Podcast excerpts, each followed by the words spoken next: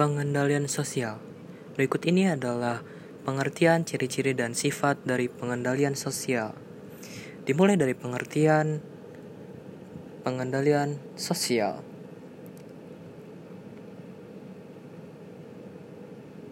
Pada dasarnya, pengendalian sosial adalah mekanisme untuk mengarahkan anggota masyarakat dalam melaksanakan nilai dan norma sosial yang berlaku sehingga tidak melakukan penyimpangan-penyimpangan dan berupaya mengurangi maupun menghilangkan penyimpangan tersebut.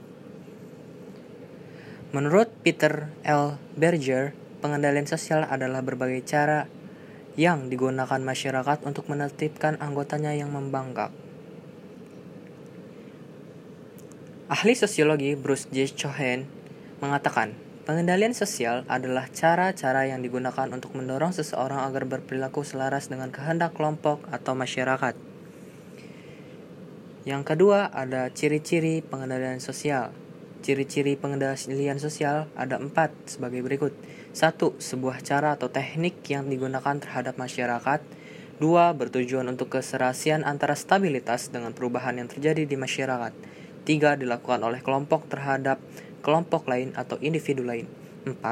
Berlangsung dua arah meski terkadang tidak disadari oleh kedua pihak.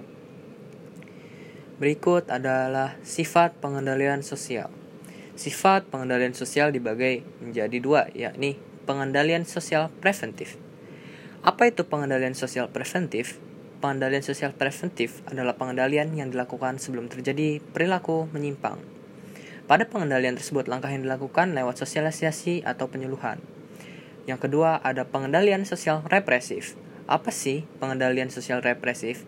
Pengendalian sosial represif merupakan pengendalian yang dilakukan setelah terjadi penyimpangan. Upaya yang dilakukan itu lewat cara pemberian hukuman, sanksi, nasihat, atau penyuluhan.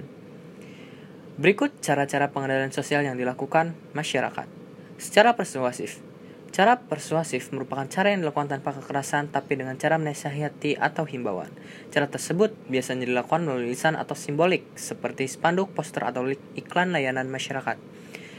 Ada dua, cara korsif. Cara korsif adalah pengendalian sosial dengan cara paksaan atau kekerasan baik secara fisik atau psikis. Biasanya, cara kursif merupakan cara terakhir setelah beberapa cara yang dilakukan tidak berhasil. Hasil Cara tersebut sering kali menimbulkan reaksi negatif dari berbagai pihak. Contohnya itu penerbitan pedagang kaki lima. Ketiga ada lewat penekanan sosial. Cara dipakai masyarakat untuk mengendalikan tingkah laku anggota masyarakat ini dilakukan agar berperilaku sama dengan masyarakat tersebut.